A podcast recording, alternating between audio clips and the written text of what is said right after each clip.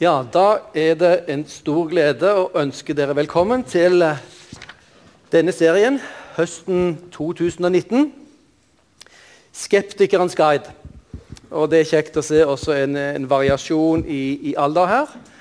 Både studenter og godt voksne. Eh, og Jeg tror det vi har å dele med dere, er aktuelt uansett generasjonene.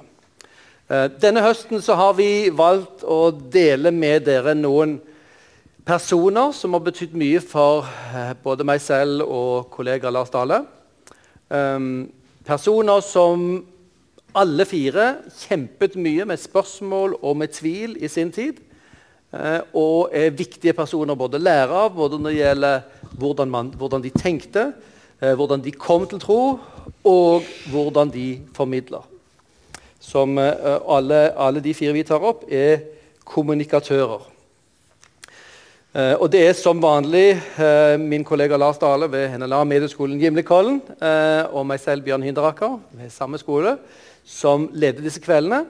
Vi er ansatt der og har strengt tatt på oss en hatt som heter Damaris Norge, som er en randsonevirksomhet ved Gimlekollen. Da skal vi høre litt mer om Damaris Norge om et lite øyeblikk. Um, men sa her, vi har, Det er fire personer, og uh, dere som sitter her, kan se dem på veggen. Det er først en som heter C.S. Lewis, som de aller fleste av dere har hørt om. Uh, og det er mest pga. Narnia-serien og den som er gjort om til film. Så er C.S. Lewis igjen et veldig veldig kjent uh, navn blant mange. Men han er også kanskje den aller viktigste kristne apologeten i forrige århundre. Noen som mener det. Og det er ganske gode grunner for å, for å kunne hevde det. Så han er en viktig person å gjøre seg kjent med. Han kunne formidle både til barn og til voksne. Uh, og det har vi flere av oss noe å lære av. I september så tar vi for oss en som heter Francis Schaefer, en amerikansk misjonær som kom til Europa etter krigen.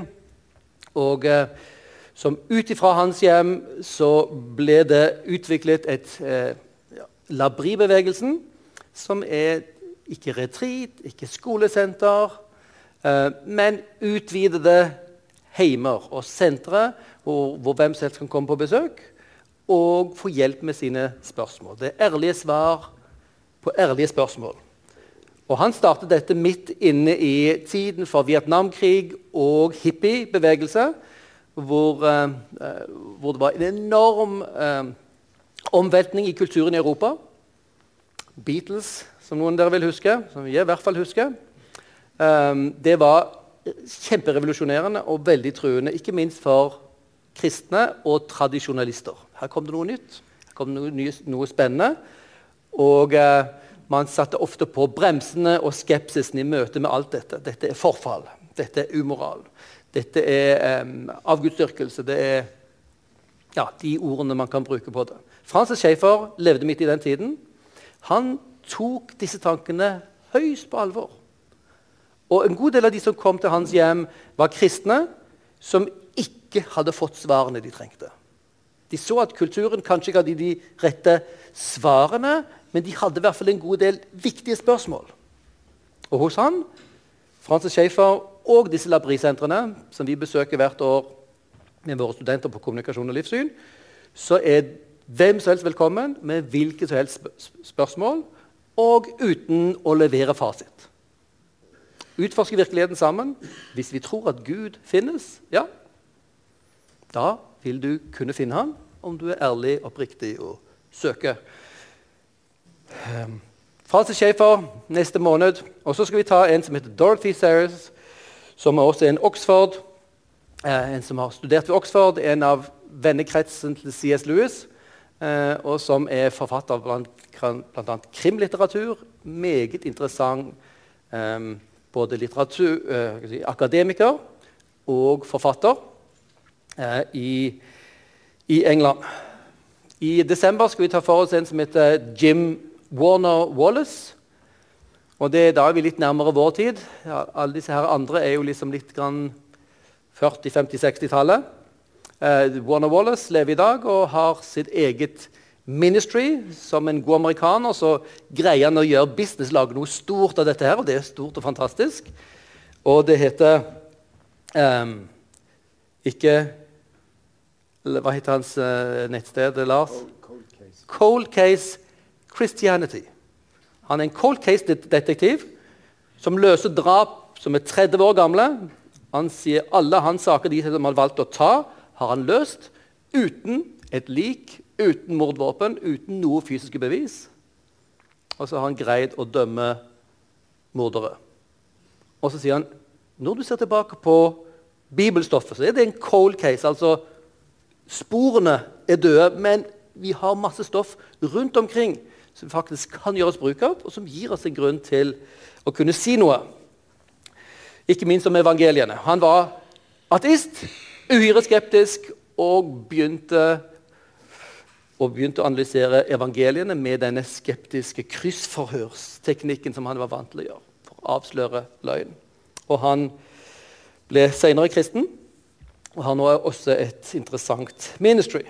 I dag er det altså C.S. Lewis, eh, en av um, våre store forbilder, en som, som, alltid har mye å gi. Selv om du har lest hans litteratur før, så vil du alltid, når du tar det til deg på ny, se nye ting, oppdage nye ting, gjenoppdage. For det er så dypt, og det er også så kreativt.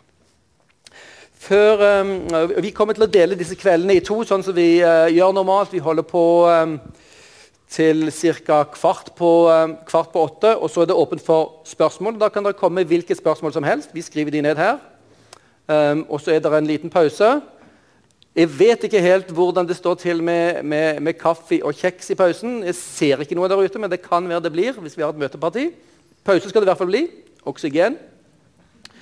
Og så har vi en siste del. Uh, jeg skal første delen introdusere C.S. Lewis, liksom, litt av hans liv og hans vei fra ateisme til kristen tro. I andre delen etter uh, pausen skal vi høre litt mer om uh, C.S. Lewis som apologet, som trosforsvarer. Først nå skal dere høre litt om uh, Damaris Norge, et nytt prosjekt. På eh, Gimlekollen, på det som nå heter NLA, Medieskolen Gimlekollen, så driver vi jo selvsagt med undervisning av studenter. Eh, og vi driver med forskning, vi driver også med å få dette ut på ulike arenaer, og det vi kaller formidling. Og I så måte så er det som heter Damaris Norge, eh, en veldig viktig kanal og arena på ulike måter for å nå ut med eh, god informasjon og god kunnskap. Og i Damaris Norge, som drives av Gimlekollen sammen med Tro og Medier, og i nært samarbeid med laget bl.a., så er vi opptatt av å få kristen tro eh, ut på ulike arenaer. Eh, derfor driver vi en rekke nettsider eh, eh, for menigheter, kristne, søkende, tvilende, interesserte. Slik som f.eks. Snakk om tro, som en del av dere sikkert kjenner til. den nettsiden. Vi har to nettsider for de kristne skolene, for de kristne videregående skolene og for de kristne grunnskolene. Med lærebokstoff og aktuelt både for lærere og elever. Eh, vi har også en side for konfirmanter konfirmantundervisning. Konfirmant online. Osv. utover litt ulike typer sider. Eh, og det vi gjør nå, er at vi pga. at vi fikk den gledelige meldingen i eh, mai, tidlig seint i mai, at fra i år av så har vi godkjenning på skattefritak på gaver til Damaris. Og Derfor starter vi en liten aksjon som vi kaller 100 gir 100. Dvs. Si vi inviterer folk til å støtte, hvis en har hjerte for det, til å støtte Damaris Norge med 100 kroner i måneden. Det er ikke forbudt å støtte med mer, altså, men, men, i utgangspunktet det. Eh, og så har vi lyst til å sende den invitasjonen eh, rundt forbi, og den begynner faktisk i kveld. Det er første gang vi nevner det offentlig. Det er i kveld. Og det ligger der ute på bordet hvis noen skulle ønske å tegne seg som en slik støttespiller. Like viktig er forbønn, men eh, det heter visst det at uten penger så fungerer det heller ikke. Så en trenger begge deler. Skal vi si mer enn det, Bjørn? Jeg tror det var omtrent det. Og så er det sånn at uh, Bjørn har første del, og så har jeg andre del. Ja. Eh, takk skal du ha. Ja, C.S. Lewis. Veldig få kjenner jo hans uh, egentlige navn. Det er C.S. Lewis. En av de forfatterne som har lov til å bare bruke sånne forbokstaver. Hans navn er Clive Staples Lewis. Men det var vel få eller neppe noen som kalte han Clive eller Staples. Og var du hans venn, så ville du veldig, fra veldig tidlig år fått beskjed om at skal, han skal kalles Jack. Og Clive Staples har jo ingen sammenheng med, med Jack å gjøre. Eh, så det er jo en interessant ting. Hvor, hvor, fant han på det? Og noen hevder at det var en hund de hadde da han var liten, som de kalte Jackie. Som plutselig han en dag bestemte seg for å, å ta navnet fra. Og han eh, reagerte ikke på, på, tilrop før folk brukte Jack-navnet. Så det er Jack hvis du er på fornavn med C.S. Lewis. Men hvem var C.S. Lewis? Han er kjent som eh, den Oxford-professoren. og Hvis du vet litt om Oxford, kanskje mest, verdens mest prestisjetunge universitet sammen med en del få andre institusjoner. Um, og uh, de er veldig opptatt av sin status og sin rolle og sin betydning. Og de er ofte gjerne pakket inn i, i, i det akademiske, om ikke beskyttede rom, så er det i hvert fall slags elfenbenshus, ser man for seg. Uh, de diskuterer masse med hverandre og har ikke så veldig mye tid eller interesse for vanlige folk. En del oppfatter Louis på den måten. Og hvis dere har sett denne filmen 'Shadowlands', som jeg vil gjerne oppfordre dere til å se, så er en film om C.S. Lewis, eh, spilt veldig bra Anthony Hopkins og, og eh, ja, en motspiller der, altså veldig gode skuespillere. Den fremstiller Louis som om han er en akademiker som, som først er trygg oppe i det høye tårnet sitt, men som blir veldig usikker når han møter virkelige folk. Er myten. Den, den sannheten om Louis er egentlig ganske annen. Men han var en forfatter, det vet vi. Eh, hadde du møtt Louis, så hadde du kanskje møtt han her sånn, i denne her eh, frakken sin, som var skitten, slitt og lukta veldig røyk. Han hadde, hørt, uh, han hadde for seg at når man tømte pipen, så var det godt for gulvteppet inne på leiligheten hans. så Der tok han jo imot masse studenter for veiledning. Hadde massevis av samtaler med sine kolleger og ikke minst sine venner, sine nære venner. Sånn sett var han en eh, ja, eh, eksentrisk person. Du kunne stille klokken din etter hans bevegelse gjennom byen Oxford. Da, da skulle han ha sin lunsj, da skulle han på, på puben og snakke med sine inklings. Og det var helt nøye regissert. Hver eneste dag var veldig styrt av rytmen. Um, og det var tydeligvis noe han fungerte med, og som, greie, som gjorde at han greier å produsere så enormt mye. Han var en uh, lærer. Kunne man, man, kunne jo tenke at en som ble så berømt som han, var, hadde mye distanse til sine studenter. Men mange studenter kan si at de fikk en god relasjon til han, var en god person til å veilede. Veldig, veldig skarp i hodet, veldig flink til å se utfordringer. Det er det du lærer i Oxford. Du lærer å kritisere deg selv og andre. Eh, og dermed begrunne og tenke bedre. Men han var en vennlig veileder og var den mest populære foreleseren i Oxford i mange mange år. Hans forelesninger var fullstappet av folk. Når han kom inn i, eh, i um, klasserommet eller auditoriet, så kom han akkurat på tiden. Uh, begynte å ta av seg denne her skitne frakken. Uh, mens han var på vei fram, så begynte han forelesningen uten notater. Holdt det gående i nøyaktig den tiden han hadde. Og mens han var i ferd med å avslutte, så gikk han ned, tok på seg frakken og så ut igjen. Du, du er litt eksentrisk når du gjør sånn. Eh, men han, han, var vel også litt håntet av folk som gjerne ville snakke med han hadde masse spørsmål. Så for å overleve så er det kanskje en strategi for han. Et interessant sitat fra C.S. Lewis sjøl, hvor dere ser han spasere gjennom Oxfords gater på vei sannsynligvis til en eller annen pub. Det er det man gjør når man sitter Vi ville sagt kafé. Vi kunne bruke det i Norge, så ikke dere trenger å bli redde. Um, han sier, sier, selv det når det gjelder hvert, hvert eneste menneske. What you see and what you hear depends a great deal on where you are standing. It also depends on what sort of person you are. Interessant. Hva du ser i andre, avhenger av hvor du står, hvilken vinkel du har, hvilken relasjon du har, og dessuten hva slags type menneske du er. Hvor du er i stand til å lytte, hvor mye du er i stand til å ta inn. Så det er interessant. Vårt syn, vår evne til å forstå vår kunnskap er faktisk avhengig av personen, mennesket du er. Og Det er en av, en av de temaene som går igjen hos han også. La oss gå litt tilbake igjen til hans uh, barndom for å forstå han som, som karakter også. Han er født i, rett før uh, århundreskiftet, i, altså i 1898, i eh, Nord-Irland. og da han var ganske liten, så fikk de flytte til et fint sted litt ute på landet, til et sted som het Little Lee. Hans foreldre var ganske velstående. Faren var advokat. Moren var også godt utdannet. og han forteller at Huset hans var fullt av bøker. Overalt. I alle rom, i alle hyller, i trappene og på loftet. Og Det var en av de tingene som gledde han. Det var ingen bøker som han ikke kunne lese. Alt var tilgjengelig for ham. Så han ble et bokmenneske veldig tidlig. Um, han hadde, han hadde uh, en type lek og fantasi med sin bror. Uh, de skapte et univers som de kalte Boksen som var et sted hvor de tegnte figurer. Det var da, det var da uh, um, dyre, eller menneskekropper med dyre hoder på.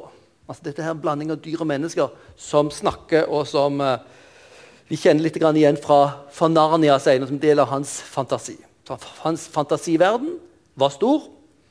Um, og denne lille idyllen her var jo et fantastisk start på et, et, et godt liv, kunne man tenkt. Han var mye alene, det var ikke veldig masse folk rundt omkring, men han hadde det veldig godt der. Han hadde en storebror, Warren, han kalte Warney, eh, hvor de hadde veldig mye kjekt sammen. Bl.a. dette her eh, universet de skapte med Little Lee.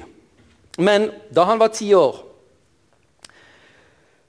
Da han var ti år, så skjedde det en eh, stor krise i hans liv. Hans mor døde. Florence Lewis. Og han forteller det sånn i sin biografi.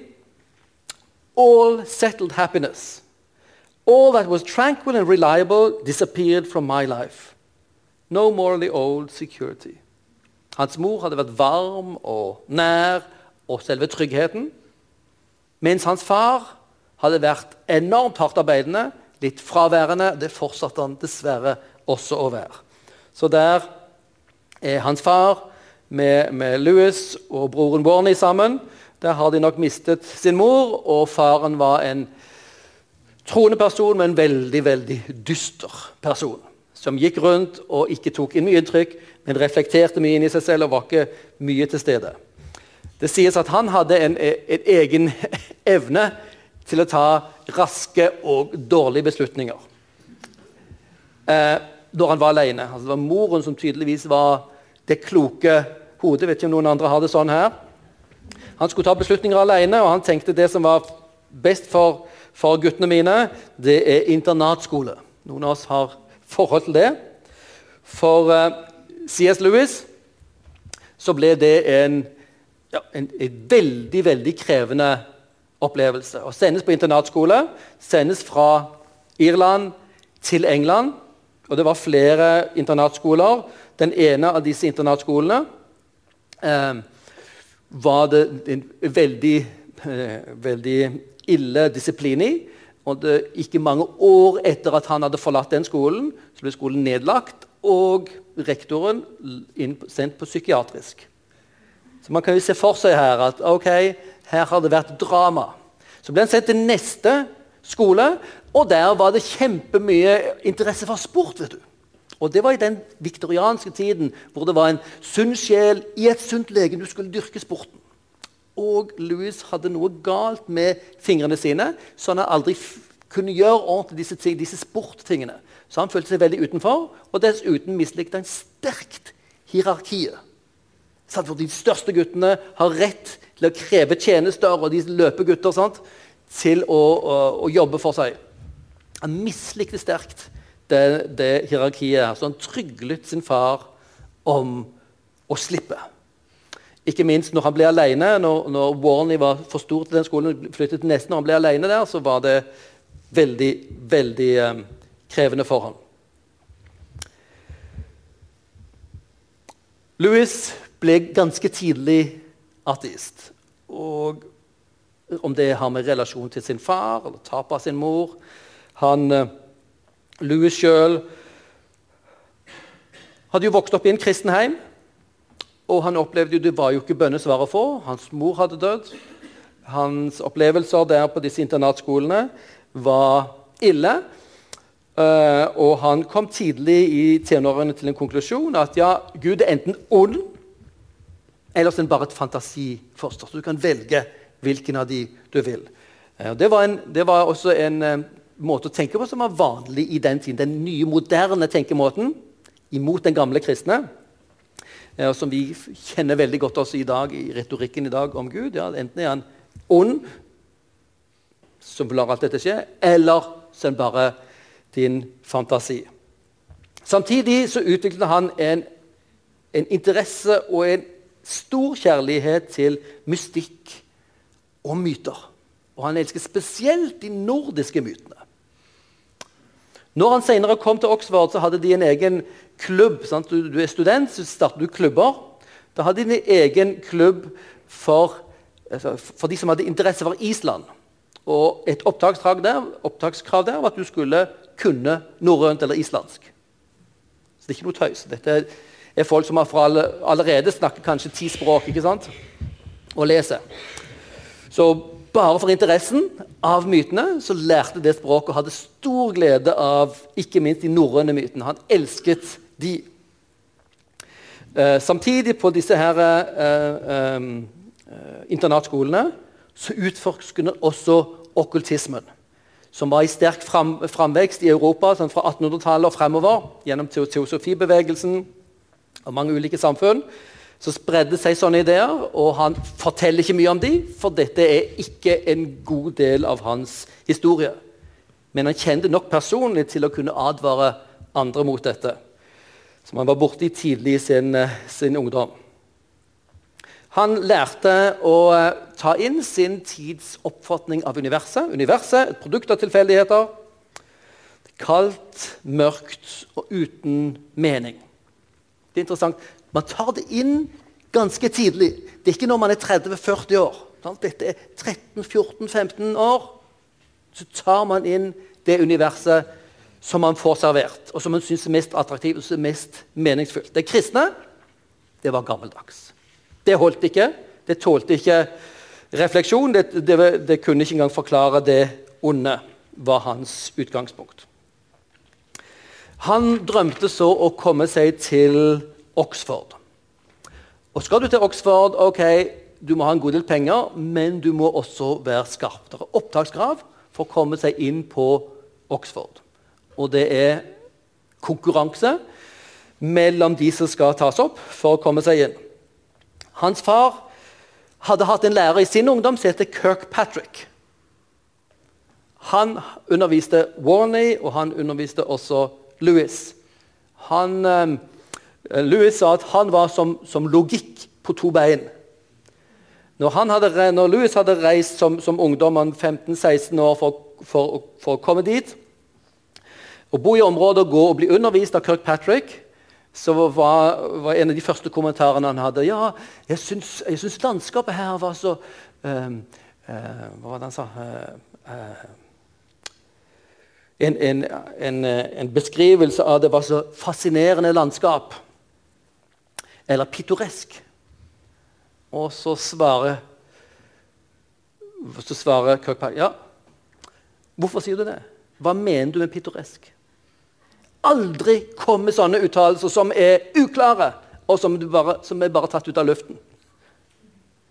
Det var noe han måtte leve med. Det var noe av det som ga han også den enorme skarpheten, som etter hvert brakte han ut også av ateismen. Ateismen Han tålte ikke den kritiske refleksjonen. Og Louis ble tatt opp på um, Oxford University. Uh, hvis du skal til Oxford og, og, besøke byen, så skal du ikke gå rundt og, og, um, og spørre etter uh, ja, jeg ser alle disse collegene, men hvor er universitetet? Det, da har du ikke forstått Oxford. Universitetet er en paraplyorganisasjon. De ordner med eksamener og kvalitetssystem. Du går på college. Du melder inn på et college, der har du fellesskapet, der får du undervisning. Og så skal du inn gjennom eksamene. Gjerne én eksamen etter tre år, hvor alt avhenger av at du gjør veldig god jobb i konkurranse med alle disse andre fra hele verden, som kommer der for å imponere, eller i hvert fall klare å stå. 1916, da er det verdenskrig. Europa og England begynner å rekruttere folk til krigen. Og han eh, Louis finner ut at det er lurest å melde seg sjøl, så blir man offiser. Fremfor hvis man ikke melder seg inn, så blir man bare vanlig soldat. Man får noen fordeler ved å melde seg inn og få det offiserskurset. Og han ble sendt til skyttergravene i Frankrike. Det Er forferdelig virkelighet. Det er et sted hvor han får igjen erfare virkelighetens brutalitet. Hvis dere ser for dere Louis som den bare som sitter i Elfenbensdøren, langt borte fra virkeligheten, så er ikke det bildet av Louis koblet til virkeligheten. Louis så noe av det store mørket. Både menneskenes ondskap, teknologiens ondskap, naturens brutalitet i uh, disse skyttergravene. Han mistet nære venner, ikke minst uh, en av bestevennene sine. De hadde lovet hverandre at ja, hvis, hvis, hvis, jeg dør, kan du ta det av min gjenvær, gjenlevende forelder. Og um, det gjorde Louis. Louis holdt det løftet. Han tok seg av hans mor, kameratens mor, helt til den døde, helt på, langt ut på 40-tallet. Mange mange tiår. Og han hadde det ikke lett med den morens temperament eh, og etter hvert demens, men han var trofast helt til, eh, til hun døde. En eh, mann som holdt sitt ord. Mange som var i andre verdenskrig, de kom aldri tilbake i funksjon som Ja, la oss bli med første nå, før vi tar andre. Dette er første verdenskrig. ja. Og skyttergravene. I andre verdenskrig så trenger du ikke så mye skyttergraver, for der har vi jo fly hele tiden. ikke sant? Så skyttergraven hjelper deg ikke så skrekkelig mye. Men, men uh, en stor del av den engelske befolkningen som var ute og erfarte krigen, de ble aldri seg sjøl igjen. Sant? De endte som alkoholikere i psykiatriske institusjoner og led og led, hadde mareritt og mareritt. Louis han var heldig. Louis ble nemlig såret av en granat og ganske alvorlig kutt og måtte helt hjem og på rekonvalesens hjemme. Der reddet han livet. Og det som er interessant, er at Louis snakker senere i livet sitt nesten aldri om dette her, denne delen av livet sitt. Man skulle jo tro den store erfaringen der var noe å fortelle om. Han snakker om i sin, uh, livshistorie, sin biografi, om at han hadde gjort et treaty with reality. Han hadde gjort en kontrakt med virkeligheten. Virkeligheten er så brutal at den vil, den vil knekke meg. Sant? Gjort en kontrakt med virkeligheten. Jeg holder meg her, du holder, du holder deg der. For å overleve. Og det synes også å ha hatt betydning for hans relasjon til spørsmålet om Gud. Holde noen unna fordi hans liv ville ikke tåle sant, det som var i ferd med å presse seg på en kontrakt med virkeligheten for å holde unna disse skrekkelige minnene. Og for hans egen del så bekrefter denne erfaringen hans dystre syn på livet. Han sier det nesten alt jeg elsket, syntes å være ren fantasi, og nesten alt jeg anså som virkelig, var mørkt og meningsløst. Her var altså ateisten Louis. Dyster, sint, desillusjonert. Og så tenker jeg at Universet består bare av materie. Det er produkt av tilfeldighetene. Og livet er kjempebrutalt. Og så elsket han mytene. Men det var bare fantasi. Alt det som han lengtet etter, som han likte, som han elsket, var altså fantasiprodukt. Virkeligheten var dyster og mørk. Og så var det tvilen. Den prosessen hvor faktisk det var hans ateistiske tro som slo sprekker. Vi er ikke vant med å snakke om ateisme som en tro. og Det trenger vi å gjøre. For det er ingen som ikke tror. Spørsmålet er bare hva og hvorfor. Hans ateistiske tro, tro brøt etter hvert sammen. Hans fornuft han hadde disse to uh, sidene ved seg. Den ene var fornuften, som var den ateistiske tenkningen. Levde i et lukket univers hvor det kun var sansene Han trodde kun gjennom sansen vi har tilgang til virkeligheten. Og universet var produkt av tilfeldigheter og meningsløst og kaldt, som vi allerede har sagt. Det var virkeligheten for ham. Det var hele virkeligheten. Men så fantes det en annen del av ham. Det var fantasien, bl.a. de norrøne mytene, eventyrene. Der var det et åpent univers hvor krefter kunne bringes inn. Det var redning, sant? det var håp, det ble løsning på problemene. Noen ganger. Der ble det tent noen lengsler igjen. Ikke minst når han leste en bok av en som heter George MacDonald, uh, en, uh, en prest og forfatter som skrev eventyr eh, med, eh, ja, hvor, hvor, masse av det usynlige universet kom inn. Dette skapte en lengsel i han som aldri ble kvitt, og som var med å skape eh, skake hans ateisme.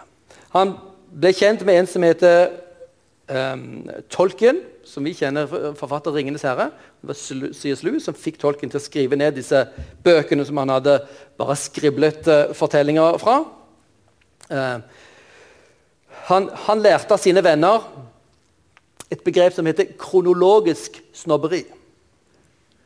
Hvorfor trodde han kristendommen var avleggs? Kan en sannhet bare være styrt av klokken, altså tidspunktet på døgnet eller hvilket år du lever? Nei, Hvis det er sant, så er det sant uavhengig av når det finnes. Så snakker om religion som noe gammeldags. Det er snobberi. Som om du akkurat på ditt tidspunkt står på høyden av all sannhet av det sanne blikket. Så han lærte seg å se kritisk på sin egen tid. Og for hans egen del så var det den selvfølgeligheten at nå er, vet vi at universet bare natur og materie. Det er så gammeldags å tenke det finnes Gud eller ånder. Vi må faktisk undersøke. Vi kan ikke bare si fordi noen før har tenkt annerledes, så er det avleggs. Det kronologisk snobberi var noe som fikk han til å faktisk tenke gjennom spørsmålene på noe annet enn bare vanetenkning. Eller bare en snobb eh, snobbmåte å tenke på, som den som ser ned på alt annet. Og han måtte stille spørsmål ja, forteller sansene hele virkeligheten. Hva med moralen? Hvis vi bare er produkter av tilfeldigheter, hvis universet er kaldt og dødt Fins noe som heter ondt, da? Er ikke vi bare produkt av kjemien og fysikken? Har vi rett til å si noen er onde? Han begynte å innse også det ulogiske i at han anklaget Gud for ondskapen. Han var sint på Gud, som han ikke trodde fantes. Pga. denne verden var så ond. Og han hadde sett det. sant? Førstehåndskjennskap til verdens brutalitet og ondskap. Men som ateist hadde han jo ikke verktøy til å si dette var ondt, hvis han skulle være konsekvent. For det var bare tilfeldigheter. Og hva med fornuften? Hva med vår fornuft? Hvis den er bare produkt av tilfeldigheter, er det grunn til å stole på han. Og da blir han utfordret til å stille spørsmål ja, hvilken av stemmene skal jeg høre på. Skal jeg høre på den, det som for tiden er min fornuft, rasjonalitet, om at naturen er alt som finnes, naturvitenskapen forklarer hele virkeligheten og alt? Eller skal jeg høre på den stemmen som sier nei, det både kan tenkes og er sannsynlig at det kan finnes andre ting. Moralen er en peker på en annen type virkelighet enn den du finner i naturvitenskapene. Våre lengsler Og ikke minst de som han kunne gjenkjenne og huske fra sin lykkelige tid på Little Lee i, um, i Belfast. Skapt en lengsel igjen som, som dro han. Visste ikke etter hvor, hvordan dette kunne passe inn. Dette gir mening hvis vi er skapt for noe større. Hvor skulle han lande Louis? Det som han fant ut etter hvert når han skulle se på ateismen sin sammenlignet med den kristne teismen Vi skal bruke liksom de tekniske begrepene. Vi snakker om en intellektuell vandring. Vi snakker ikke om å gå på et vekkelsesmøte og kjenne Guds ånd rive sånn, og omvendelse. Her befinner de seg innenfor sine intellektuelle univers, hvor ateismen utforskes og finnes for lett. Og Når han da skulle prøve å se objekt på, objektivt på det og legge til side sine tids fordommer mot religion, så fant du at Gud forklarer både våre lengsler Hvis vi er skapt for en annen verden, så gir det mening at vi har disse lengslene som aldri blir fullt ut tilfredsstilt i denne verden. Moralen. Protestere på urett. Jo, hvordan, hvordan, kan det gi mening i et univers som ikke mening? Ikke har mening, gir rom for mening? Og fornuften. Og så sier Louis her Atheism, og Nå snakker han ikke om å anklage noen andre. han anklager, Dette er en, en innvending mot sin egen forståelse før han eh, ble, fikk overgikk til tro på Gud. Atheism turns out to be too simple. If the whole universe has no meaning, we should never have found out that it has no meaning. Altså, Ateismen den er for enkel. For hvis det er slik at universet ikke har noen mening, ja, da hadde vi aldri funnet ut at det ikke hadde noen mening. Det er en indre selvmotsigelse i den form for, for ateisme som, som i hvert fall C.S. Lewis levde i, og som han så tydeligere og tydeligere. Og ikke minst ved hjelp av en del av sine, sine venner på universitetet. Og så skjedde det uh, Han forteller i sin selvbiografi om uh, hvordan, hvordan, denne tanken om Gud nærmet seg han. Den hadde hatt en kontrakt med virkeligheten, og denne hadde liksom på en måte også fungert i forhold til hans relasjon til en Gud som han ville holde på avstand. Og Så sitter han inne på, på sitt college. Dette ser dere, Det heter uh, New Building. Den gule her som dere ser her, den er bare, bare fra 1700-tallet. så Det er de nye bygningene på dette her stedet. Det er murbygninger. Det er ikke spesielt varmt. Eh, ikke spesielt komfortabel i Louis sin, hvor det er full av, av, av uh, tobakk og røyklukt. Men inne på det rommet sitter Louis alene. Han forteller, forteller det sånn Du må, se, for, du må se, deg, se, meg for deg i dette rommet i Maudlin College, Oxford, kveld etter kveld.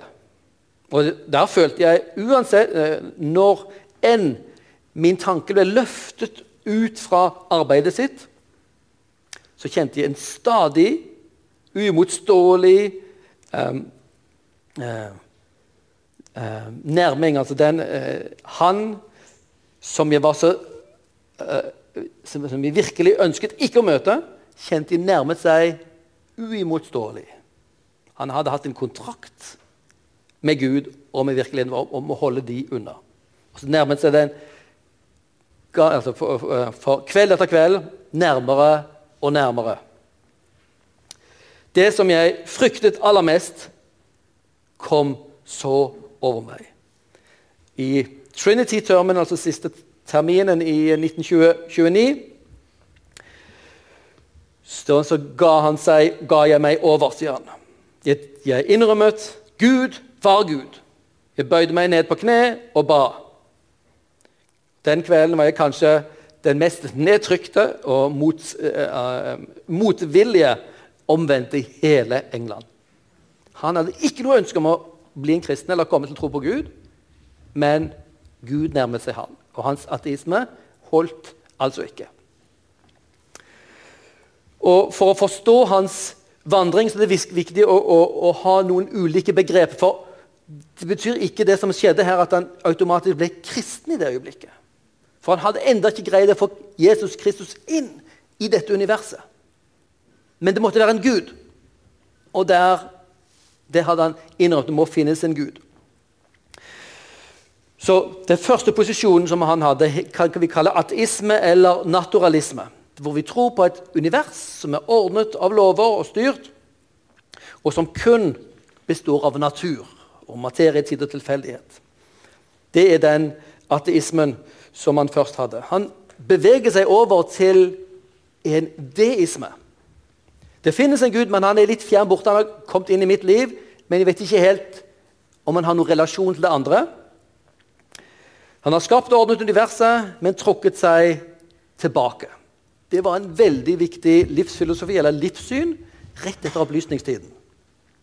Hvor man gjerne ville ha tro på moralen, man ville tro på et ordnet univers. Husk at Den troen på at universet er lovstyrt ordnet, den er en arv fra den kristne troen på Gud som skaper. Han gir lov for moralen, han gir lov for naturen. De som levde under opplysningstiden og gjerne ville ha litt avstand til kristentro, de ville fortsatt beholde moralen og de ville holde, beholde naturlovene. Men de ville gjerne kvitte seg med Bibel, mirakler og overtro. Og Da har du et formen som heter deisme, som kan være ganske religiøs eller det kan være veldig sekulær. Det er vanskelig for å plassere det i de vanlige båsene våre. Men det er tro på en gud, men som er litt fjern. Men han forklarer i hvert fall universets orden. Det trenger en forklaring. Det tredje, ja, og, og de, de, Denne posisjonen avviser altså under, fordi Gud har trukket seg tilbake. Han har skapt det så bra han kunne. Så griper ikke Gud inn. For det er nå det naturloven som skal ta over, tenker deistene. Og Derfor avviser jo de også åpenbaring om underet osv. Den kristne teismen, eller kristen tro, det er en annet syn på en gud. Det finnes Gud, og han er også aktiv. Har skapt universet, forklarer både det onde og det gode. Og så kommer det elementet kristen tro også inkluderer Kristus. At Gud selv har kommet til sin verden og gjort noe radikalt med oss. Og det var det elementet i fortellingen som Louis hadde problem med. Og uh, i, i, i, dette miljøet rundt uh, dere ser Oxford College, Mag Magdalene College, Maudlin College, som det heter i Oxford, et sted hvor han bodde, hadde en fantastisk utsikt mot en park som eies av colleget, som er en av de rikeste institusjonene i England. forresten. I denne parken så er det masse rådyr som løper rundt, som kan spise av ved, ved, ved fester. Det er, ikke, det, er, det er, i hvert fall colleget sin, sin eiendom. Rundt denne store parken så er det en, en uh, tur, liten turløype, en sti, som heter Addisons Walk. Og Han forteller det er en helt spesiell dato i 19, uh, uh, 1931. På en, eh, en, søndag morgen de hadde på, på, på lørdag kveld, helt fra kveldsen, hadde, de, hadde C.S. Lewis sammen med tolken og en kamerat som heter Dyson, Hugo Dyson vært sammen og snakket og snakket, snakket om myter av metaforer og forskjellige ting. Ting de var veldig opptatt av, alle sammen. Klokken tre på natten, eller over klokken tolv, så gikk de ut og gikk en tur der. Tolken gikk og la seg klokken tre, og så holdt han på å prate til klokken fire på søndag morgen med han Dyson. Det er intellektuelle. De holder samtalen i gang, og det var ikke bare tomprat, må du tro. Der fikk Louis plassert dette her med hva med Jesus og alle disse mytene og fortellingene. og sånt. For fortellingen om Jesus det er vel myter, er det ikke det? Og av disse to vennene sine, som begge to elsket myter og forsto de, så lærte Louis noe helt unikt som fikk hans kristne tro til å komme på plass, hans tro på Kristus. Nå forteller han slik Det som Dyson og tolken viste meg, var dette. Når jeg møtte ideen om offer i en sånn hedensk fortelling, så syns jeg ikke det gjorde noe i det hele tatt. Og hvis jeg møtte en fortelling om en gud som ofret seg selv, så likte jeg det veldig mye. Jeg likte det veldig godt. Og jeg kjente jeg ble litt rørt av det inni meg. Og igjen ideen om, om eh, døende og oppstående guder, guder som dør og oppstår, som Balder, Adonis og Bakkus. Så ble jeg på samme måte rørt inni meg. Men det var kun hvis jeg ikke møtte de evangeliene.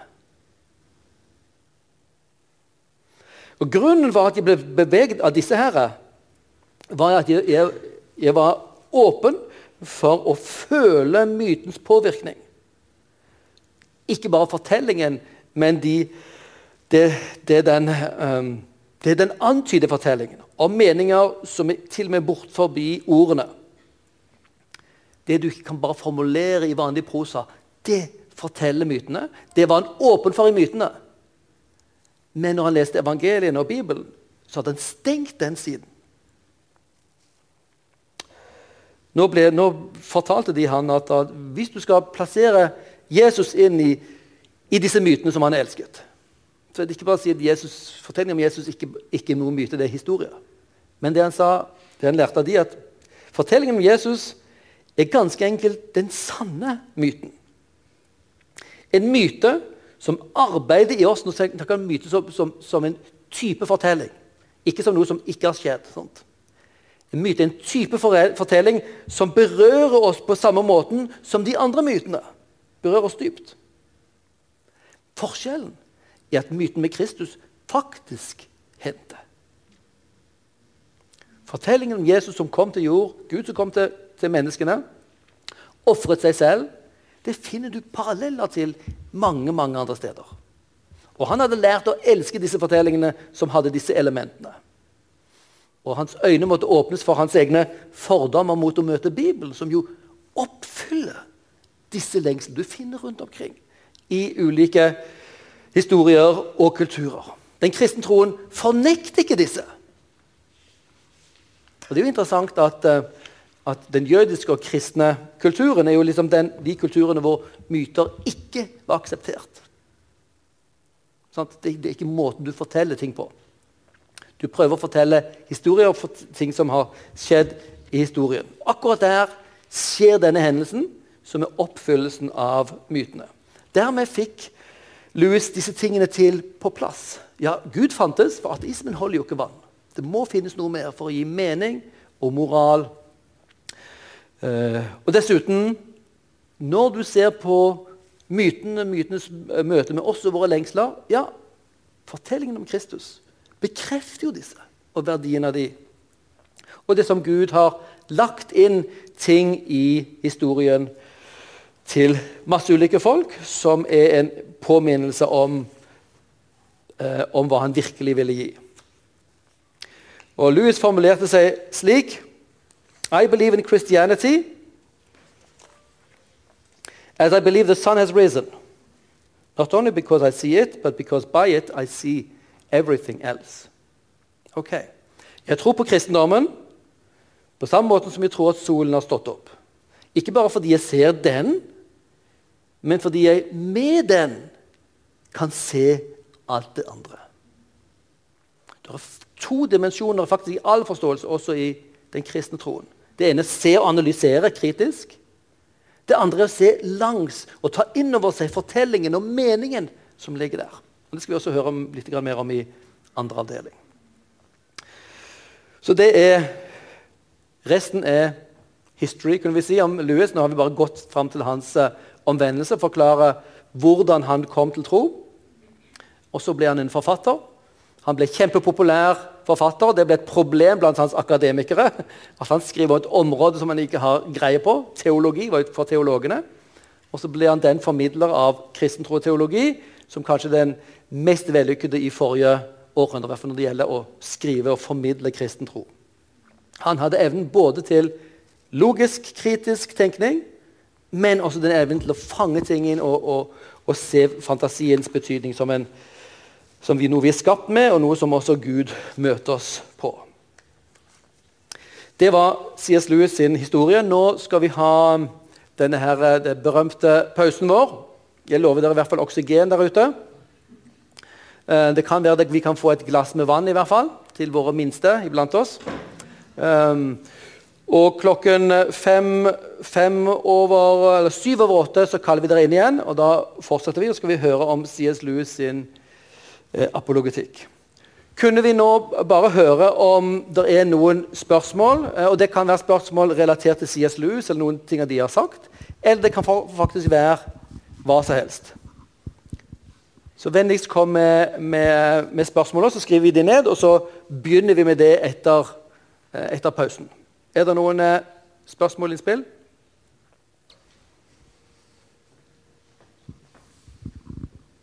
Ja, der framme. Ja. Nei, nei, det er helt fint. Det er ærlige svar på ærlige spørsmål her. og ikke... Men ehm, Ja. ja. Jeg har et veldig sånn filosofisk dilemma akkurat nå. Ja. Jeg møtte en um, Hva heter det? Jehovas vitne i går. Ja. Og så snakka vi, og um, altså de kan jo Bibelen sin utenat. Det er jo helt fantastisk hvordan de bare slår opp i steder. Men så Jeg kan veldig lite om de. Men så, så vis, visste jeg på en måte at ok, men det er treenigheten at vi er uenige på. Og så vet jeg at og Så spurte jeg han hva tenker dere om treenigheten. Og da begynte han å forklare meg og vise til bibelvers. Ehm, så skjønner jeg at jeg kan jo ikke Bibelen i det hele tatt. Fordi jeg blir bare kasta på med bibelvers og ting. Eh, men jeg kan ikke svare for meg sjøl. Jeg kan ikke begrunne hvorfor jeg tror på treenigheten. Det er bare noe jeg har hørt, noe jeg har blitt fortalt, at treenigheten er en greie. Eh, men jeg har aldri skjønt hvorfor jeg tror på det. Så kanskje Ja, så jeg sliter faktisk veldig akkurat nå. Kjempe. Veldig bra. Og jeg Ja. mener, Det er noe vi egentlig alle burde møte på et eller annet tidspunkt. Kanskje mens vi er enda litt yngre. Sant? Hvordan, hva mener vi egentlig med treenigheten? Eh, la meg skrive ned det, Lars, så tar vi det etterpå. Både det at det er Jehovas vitner som spør, det er jo veldig relevant for, for spørsmålet ditt, men eh, i det hele tatt også tema treenigheten. Ok? Flere, flere ting? Takk, takk skal du ha for et godt og ærlig spørsmål. Andre som hadde noen ting de har lyst til å lufte?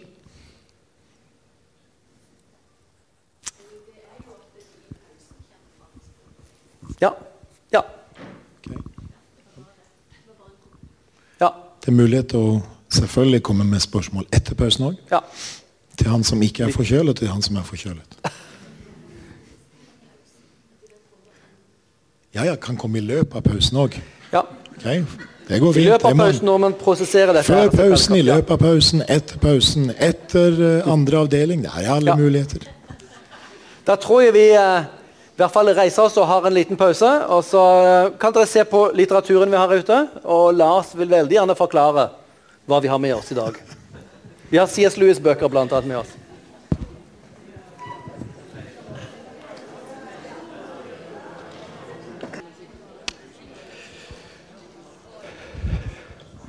Ja, velkommen tilbake fra pausen.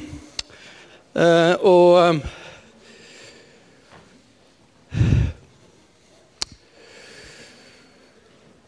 Og vi, eh, vi gir rom for noen flere spørsmål etter vi, etter vi har kommentert eller svart på dette her eh, første spørsmålet, som er et kjempegrunnleggende.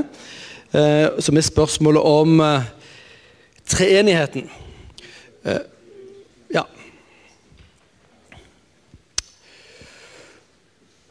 Så, så, og det er, det er ekstra interessant at spørsmålet kommer fra Jehovas vitner. Og Det ble kommentert her at de kan jo Bibelen sin på rams. Da må vi da huske at uh, når Jehovas vitner leser Bibelen, så leser de bibelvers som de har lært å slå opp. Det drilles de i, det kan de veldig godt. Men hvis du utfordrer de til å lese et brev eller en tekst i en hel sammenheng, da begynner de å flakke med blikk og begynner å få problemer. Eh, Og Vakttårnet advarer jo mot å skulle lese Bibelen på egen hånd. De vil gjerne vise hvilke bibeltekster som betyr hva, som du skal kunne bruke. Og De er også drillet til å møte kristne som tror på treenigheten. Eh, Så, så bare liksom for å, å um, balansere den, den vonde følelsen det er å, å plutselig sånn, som godt voksne og tenkende mennesker vi et spørsmål, og så kan vi ikke svare. Og så virker det som de kan veldig mye mer enn oss om akkurat det.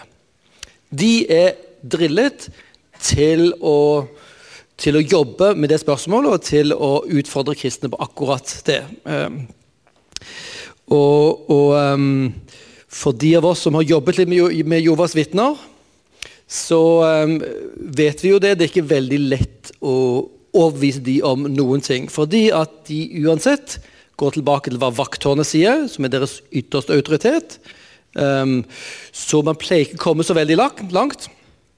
Eh, med å forsøke å argumentere ut fra Bibelen. Det kan man gjøre med visse eh, hvis du gjør det på visse måter som er kreative, eh, og får de ut av sporene.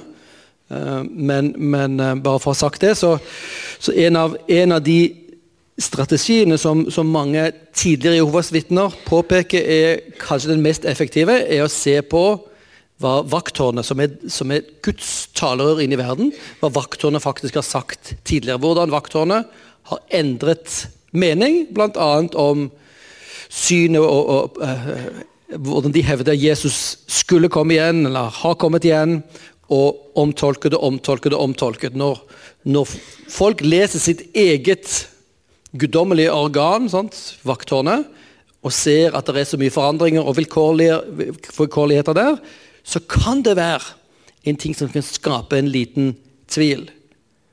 Sant, for å få de til å stille spørsmål til autoriteten som ligger bak. Så det trenger, det trenger, du å vite om hvis du skal ha samtale og argument med Jehovas vitner. Jeg vil, jeg vil, kanskje, hvis jeg skulle anbefalt eh, sånn umiddelbart en, en bok som, som, vil være en god hjelp for deg her, er å eh, Det er litt parallell utfordring som vi har i møte med muslimer. De hevder også at uh, treenigheten er en kristen oppfinnelse. uh, og at Gud er én. Uh, og jeg syns den boken til Nabil Qureshi er veldig bra der. Den heter 'Bare én Gud' og tar for seg mange ulike spørsmål som muslimer har, og argumenter som muslimer har mot den kristne troen, både på, på Bibelen um, um, og på treenigheten. Um, og det du, det du, vil også finne hos Jovas vitner, er at de har da en egen bibel, bibeloversettelse, som hele tiden tildekker og forandrer disse tingene, disse versene, som er de, de aller tydeligste i, eh, i Nytestamentet på dette. Så de vil hevde at Jesus ikke er ordentlig Gud. Han er én Gud med liten g, som er en av de største englene. Eh, og han er skapt. Eh, han er den største etter Gud, men han er ikke sann Gud fra evighet. Eh, så når, man bruker ordet Gud og med stor og liten g, så gjør det en viss forskjell og kan skape litt, litt forvirring. Hvis vi um, Hvis vi skulle gått til noen tekster, sant, så er jo Johannes evangeliet starten en av de. Sant? Han, uh, I begynnelsen var ordet. Ordet var Gud, og ordet var hos Gud. Sant? Den teksten leste alle fagfolk bortover Jovas vitner. Er veldig entydig på at dette ordet, som vi vet er Jesus Kristus, han var del av den guddommelige identiteten. Han var guddommelig. De må vri dette og omtolke dette. her. Og Så finner vi de andre gangene hvor Jesus er veldig tydelig på seg selv som både alle menneskenes uh, dommer. sant? og han har blitt gitt all autoritet. Uh, og at dette skjer innenfor en treenighet hvor, hvor, Sønnen bøyer seg for Faderen, og Faderen gir Sønnen. Og Den hellige ånd åpenbarer Jesus Kristus og utgår fra Faderen og, og Sønnen. Um, så, så, argumentene går ofte på å um, å forsøke å, å, å angripe det, enten, Hvis Jesus var Gud, så var jo himmelen tom. Hang, hvis Jesus var Gud når han hang på korset, hvor var Gud da? Var Gud på korset, eller var han sant? Og hvem sier Jesus 'min Gud' til når han er der? Den kristne teologien gir ikke mening. Men det er bare hvis man forlater den klassiske treenighetslæren som er utviklet fra Bibelen. Ordet finnes ikke der. Men hvis, hvis man anerkjenner Jesus som en sann Gud, så hadde han ba han til Faderen. Faderen er sann Gud, og Den hellige ånd er også del av Gud.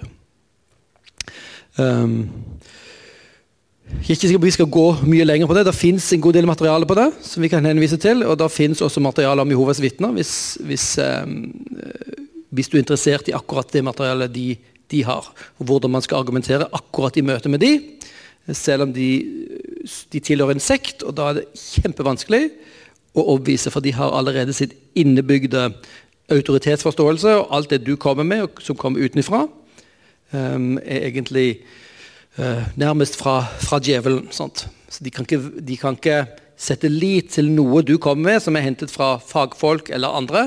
Sant? Det er vakttårnet. Ok. Um, treenigheten er kjempeviktig, veldig grunnleggende. Uh, og um, det er noe vi kunne snakket skikkelig om en gang. Noe du vil føye til på treenigheten før du går til CS Lewis, Lars? Nei, jeg tror ikke så veldig mye, men uh, uh, En måte å tenke på dette er jo at altså, det er jo veldig vanskelig for oss å forestille oss at Gud samtidig er én og tre. Selv har jeg fått hjelp av å tenke at når en i forskning og vitenskap eh, utforsker noe, så er virkeligheten det primære, og forklaringene er det som kommer etterpå. Så hvis virkeligheten viser at både Gud er én og Gud er tre Og hva er virkeligheten for oss? Jo, det er Guds åpenbaring for oss. Det er Bibelen som, som, på en måte er det vi utforsker oss på. Hva sier Bibelen om Gud? Jo, Bibelen sier at Gud er én. Men Bibelen sier også at Gud er Fader, Gud er Sønn, og Gud er Hellig Ånd. Og da, og da blir vi reduksjonister. Sant? Da reduserer vi virkeligheten til mindre enn den er. Og så har kristne prøvd å sette ord på hva betyr dette. Og det er veldig vakkert, det som står i apostolske trosbekjennelser, nikenske trosbekjennelsen, som er en tilbedelse egentlig til hvem Gud er. Eh, så det er en måte å tenke på at virkeligheten må få lov til å være så stor som den er. Og så er vår beskrivelse av virkeligheten må være saksvarende. Og da er det ikke viktigste om linjene går opp. For vi kan ha et begrensa perspektiv som gjør at ikke vi ser den, At vi på en måte ikke har den syvende eller tiende dimensjonen. ikke sant? Å se ikke bare tredimensjonalt, men se mye større enn det. Det er i hvert fall én måte å, å, å, tenke på det. Ok, Tilbake til uh, C.S. Lewis. Fornuft og fantasi. Ja, vi har hørt om C.S. Lewis sin vei til kristen tro fra tvil. Og nå skal vi prøve å si litt om hva var det C.S. Lewis brakte frem? Hva var hans tanker, og hva var hans eh, bidrag? Og bevisst har vi da også den, denne delen kalt det fornuft og fantasi. Fordi han virket så å si langs to linjer. Den ene linjen var argumentene, tankene. Og det andre var fortellingene de fantastiske, fantasifulle fortellingene. Jeg lurer på, når eh, historien skal skrives om 1900-tallet Hvem har brakt, eller hvilke har ledet flest mennesker til kristen tro? Det er et interessant spørsmål. En av de som har gjort det, uten, var uten tvil Billy Graham gjennom sine, eh, sine store Eh, evangeliseringsaksjoner rundt om i verden. Men det er ikke tvil om at ikke langt etter han kommer C.S. Lewis. Hvis vi snakker om innflytelse til å åpne opp kristen tro, ikke bare blant de som er åpne, interessert og som føler et behov, men de som kanskje i utgangspunktet er lukka. De som kanskje i utgangspunktet ikke føler et behov og ikke er interessert. Fornuft og fantasi, sies Louis som apologet. Som trosforsvarer, altså. Det var en gang eh, C.S. Lewis eh, forteller Han gikk ut i hagen sin, der de bodde. Og Så kom han ut, eh, og så, så han gikk inn i redskapsboden. The tool shed. Og så så han at solen lyste gjennom vinduet høyt der oppe, sånn som vi ser her på, på bildet. Og så reflekterer han over det. At det var to måter å forholde seg det på. Han kunne stå utenfor lysstrålen og se på den 'looking at'. Det ga ett bilde, et inntrykk, et perspektiv. Men han kunne gå og stille seg i lyskilden og se lyset så å si innenfra. Looking along. Langs med. Og kanskje er vi i den tradisjonen som, som, som dette, denne forsamling, Misjonshuset, står i, mest vant til 'looking along'. At vi står midt i lyskjeglen, i lyskilden, ikke sant? og ser på en måte kristen tro innenfra. Det gjør også C.S. Lewis. Men han gjør begge deler. Han tar også, sier at det er mulig å se på kristen tro utenfra. Kristen tro er ikke som en hemmelig sekt som du må først innenfor for å vite hva det er. Du kan vite noe på forhånd, hva en i tilfelle går inn i. Looking at and looking along. Veldig viktig at kristen tro Det er mulig å utforske kristen tro på to måter. Den ene måten Stå på avstand. Åpenhet, nysgjerrighet. Den andre måten gå inn og utforske. Se langs med. La oss ta, oss med det, det, ta dette med oss videre inn i, inn i utforskingen av C.S. Lewis sitt bidrag. Fornuft og fantasier. Hva er forskjellen på fornuft og fantasi? Det er en plass for begge deler for å bruke det engelske uttrykket 'reason' og 'imagination'. Okay? Reason, det, det, reason er tanken, fornuften, argumentene. Det trenger vi for å vite hva som er sant. That's the natural organ of truth. Det er sannhetens verktøy. Vi trenger tanken.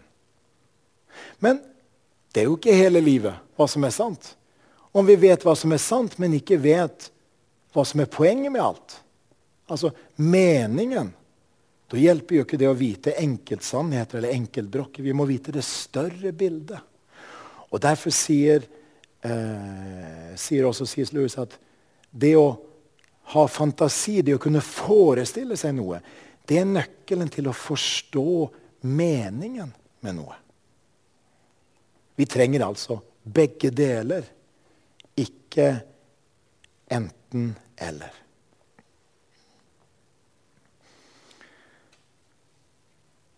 Når vi nå skal gripe fatt i C.S. Lewis sitt bidrag Ja, her ser dere noen av eh, bøkene som er der ute til salgs. Um, og her har vi fra venstre og til høyre Djevelen dypper pennen. Screwtape letters. Fantastisk interessant. Jeg vet ikke hvor mange av dere som har lest det, men det er altså en brevveksling der det er en eldre djevel som, som skriver råd, brev til en yngre djevel. Igjen, ikke sant? Han har gått inn i skoene til den onde verden, så å si. Og ser for seg hva skal til for å forlede en kristen. Hva skal til for å få en kristen til å, til å gå feil vei? Og forordet er veldig interessant. For da, da, sier, da skriver denne eldre djevelen da, at, at ja, disse kristne vi må få dem til å falle i én av to grøfter.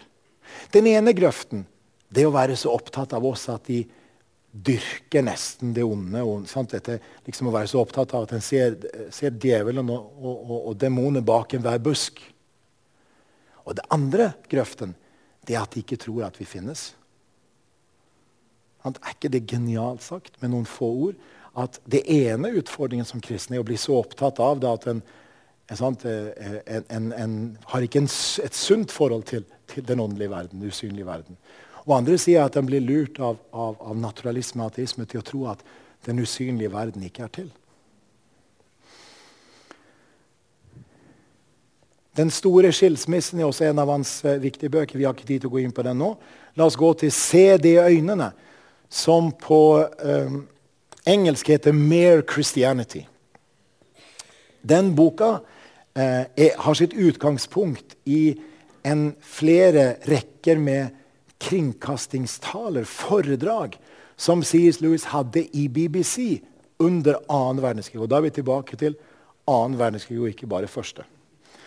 Eh, se det i øynene med Christianity. Altså kristen tro, rett og slett. Og det var skikkelig stas for eh, BBC å ha en lærer, en don, en fellow fra Oxford i studio, som faktisk snakket så folk kunne forstå det. Brukte hverdagslig språk. Sant? Brukte måte å kommunisere på som var fra hverdagen. Fantastisk fascinerende. Vi kommer litt tilbake til, til eh, noe av det som han snakker om der om et lite øyeblikk. Vi går to, to bøker til høyre. Mirakler. sies Lewis sin bøk, bok om under. Jeg husker Første gang jeg prøvde å lese den, så måtte jeg gi opp eh, og gripe fatt i den igjen på nytt, for den er ikke den enkleste. Men det, den er rimelig dyp og veldig god om underet. Og igjen så utforsker C.S. Lewis dette på bakgrunn av sin ateistiske bakgrunn. Og hva er forskjellen på å se på muligheten for under hvis du har et lukket univers, som Bjørn snakket om, eller hvis du regner i det minste med muligheten for at Gud er der? Ikke utelukke Gud på forhånd, men tenke at Gud er noen som i det minste kan eksistere. Og kan gripe inn. Da blir underet plutselig, mulig på en helt annen måte. Dersom vi skal se på noen av disse argumentene til, til uh, C.S. Lewis, kan vi si at én ting han peker veldig sterkt på i, i, i, bøkene sine, er at vi har i oss en dyp lengsel. Og ikke minst ser vi denne lengselen. Det kommer til uttrykk i f.eks. i disse eventyrfortellingene, disse norrøne og andre mytene. Da kommer lengselen til uttrykk. Og For C.S. Lewis var det veldig viktig å si at det er kun kristen tro som forklarer denne lengselen. Det er kun eksistensen av en skaper som forklarer. Uh, han bruker uh, mye tid på det i, i ulike bøker. Og, og, utforsker på hvilken måte peker vår lengsel. Lengsel etter mening, lengsel etter skjønnhet, lengsel etter godhet. Hvilken, hvordan peker dette på en skaper? I det minste at hvis en skaper er der, så gir det mening. Og Sammenlign det som vi hørte tidligere, at eh, hvis det ikke var noen mening, i universet, hvordan ville vi oppdage at universet ikke hadde noen mening? Det er litt av den samme tanke som kommer igjen. Og så skriver C.S. Lewis mye om dette med moral. Hvis en snakker om en absolutt moral, altså at noe er galt uansett hvem som måtte gjøre det, og hvor det måtte skje, og i hvilken sammenheng det skjer, og på hvilken måte det skjer. Sant? Uansett, hvis noe er galt, så er det virkelig objektivt, sett utenfor oss. Det er galt uansett. Og det er faktisk ikke så lett å begrunne hvorfor noe skulle være galt uansett. Hvis en ikke regner med en skaper. Nå er det sånn at mennesker flest, veldig, veldig mange i hvert fall, vil peke C.S. Lewis på, har denne intuisjonen at det er slik. En lever med en intuisjon, ja, men vi må jo leve slik. Ellers fungerer det ikke samkvemmet oss imellom. Ellers bryter det sammen, det mellommenneskelige fellesskapet. Med andre ord, C.S. Lewis sier ikke at bare den som er kristen, har en god moral. Selvfølgelig ikke. Men han sier det at bare Guds eksistens forklarer at det fins en absolutt objektiv moral. Og Vi kunne jo egentlig også spunnet videre og sagt at dette peker i retning av Gud som hellig. Gud som ikke tåler synd, som Bibelen beskriver. Gud som er perfekt, hellig, fullkommen. Og da er hele dette som, som C.S. Lewis tegner opp, sier også noe om at vi trenger da nåden hvis vi står i møte med en absolutt moral som gjør at vi er skyldige. Og dette kan vi lese om på ulike steder. En av de mest kjente argumentene som C.S. Lewis eh, bringer på bane, er fra Mere Christianity. Han snakker om hvem er Jesus Og han sier det at, og da brygger han på dette, at det som vi hørte allerede At eh, ja, det finnes anelser om Gud eller guder som har dødd og står opp igjen. I de hedenske mytene. Det som skygger i forhold til det lyset vi finner i evangeliet, sier han etter hvert.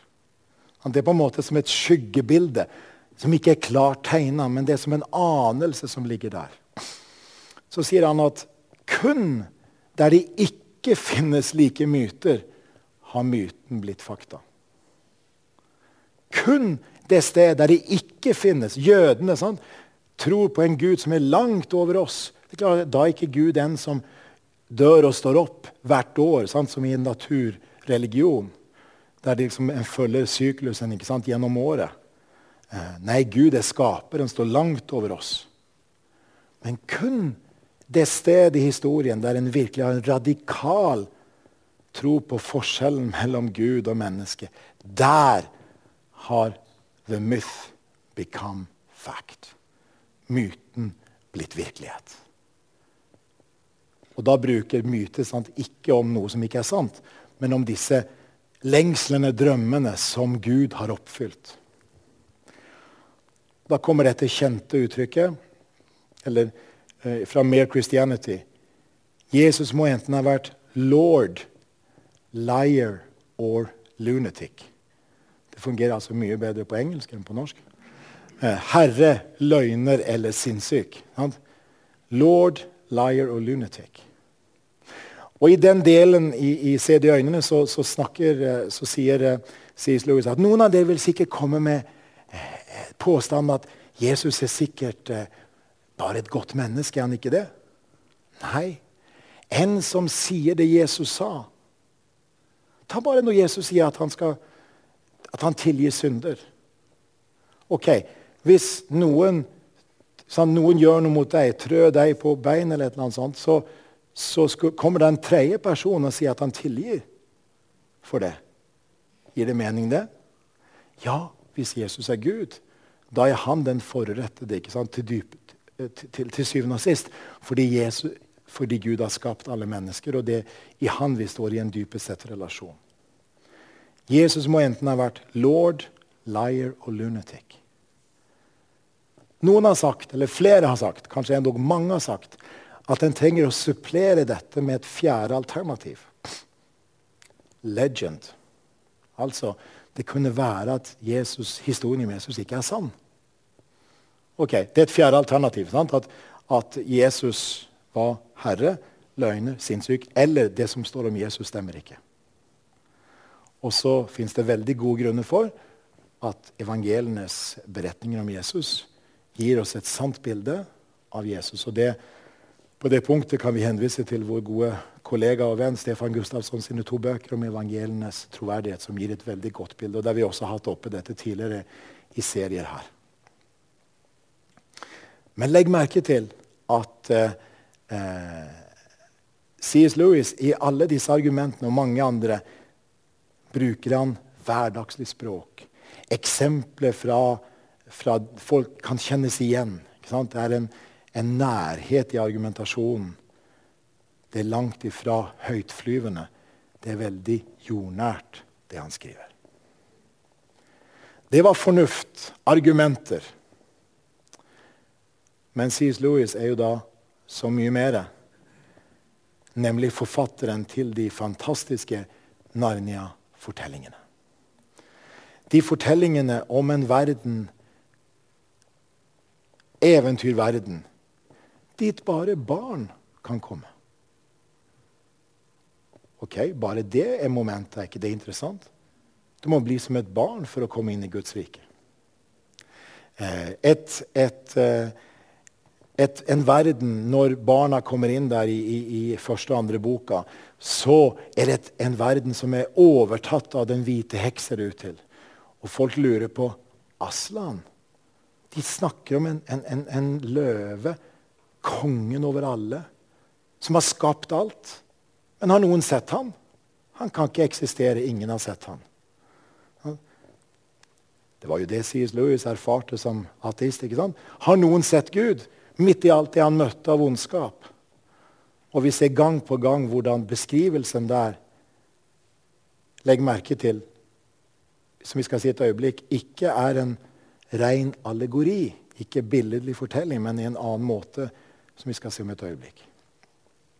Det er syv fortellinger. Er det tre som har blitt film, tror jeg?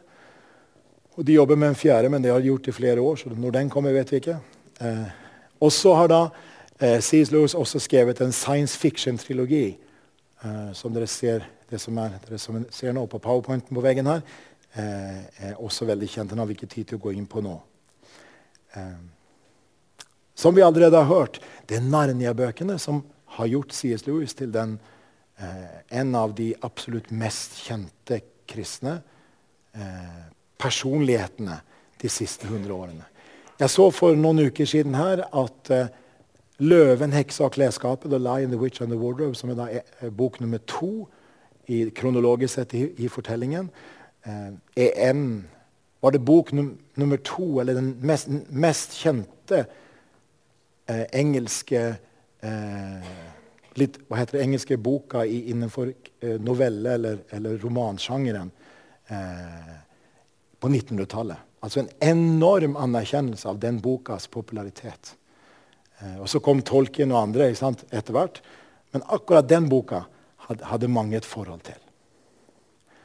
Så er det veldig interessant. Hvorfor skrev han dette? Det var en gang C.S. Lewis svarte på veldig mange brev. Det var jo veldig mange som, som leste hans uh, bøker. Uh, eller hadde hørt, hans, uh, hadde hørt han på BBC hvis de var i England og som hadde et nært forhold til han som formidler, som forfatter. Og som skrev inn. Og, det gjorde også barna som, skrevet, som hadde lest Narnia-bøkene. en del, og, og, Jeg tror det finnes eh, 3000-4000 brever fra C.S. Lewis samla og gitt ut. Veldig, veldig stor virksomhet også som brevskriver. Og en, en jente skrev en gang eh, 'Hvorfor, Jack?' Eller hva hun sa. 'Hvorfor har du Jack skrevet disse bøkene? Kan du fortelle oss det?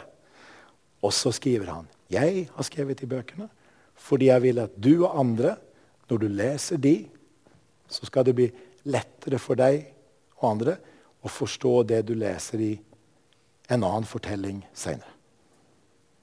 Altså det er skrevet som pre-evangelisering.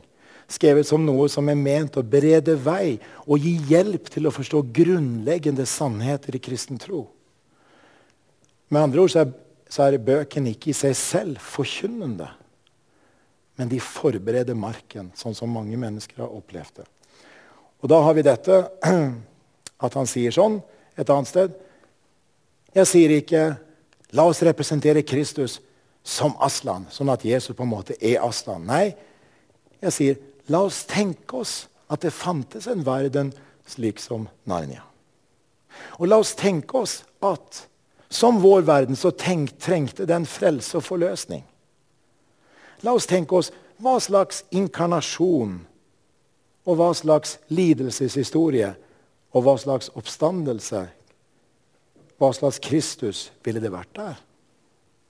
Med andre ord, han, det er på en måte et gigantisk tankeeksperiment. Eller et La oss tenke oss Ja, men det sier seg selv, gjør det ikke det, at Jesus Hvis en skulle beskrive Jesus på en måte, La oss tenke oss Jesus en slik verden.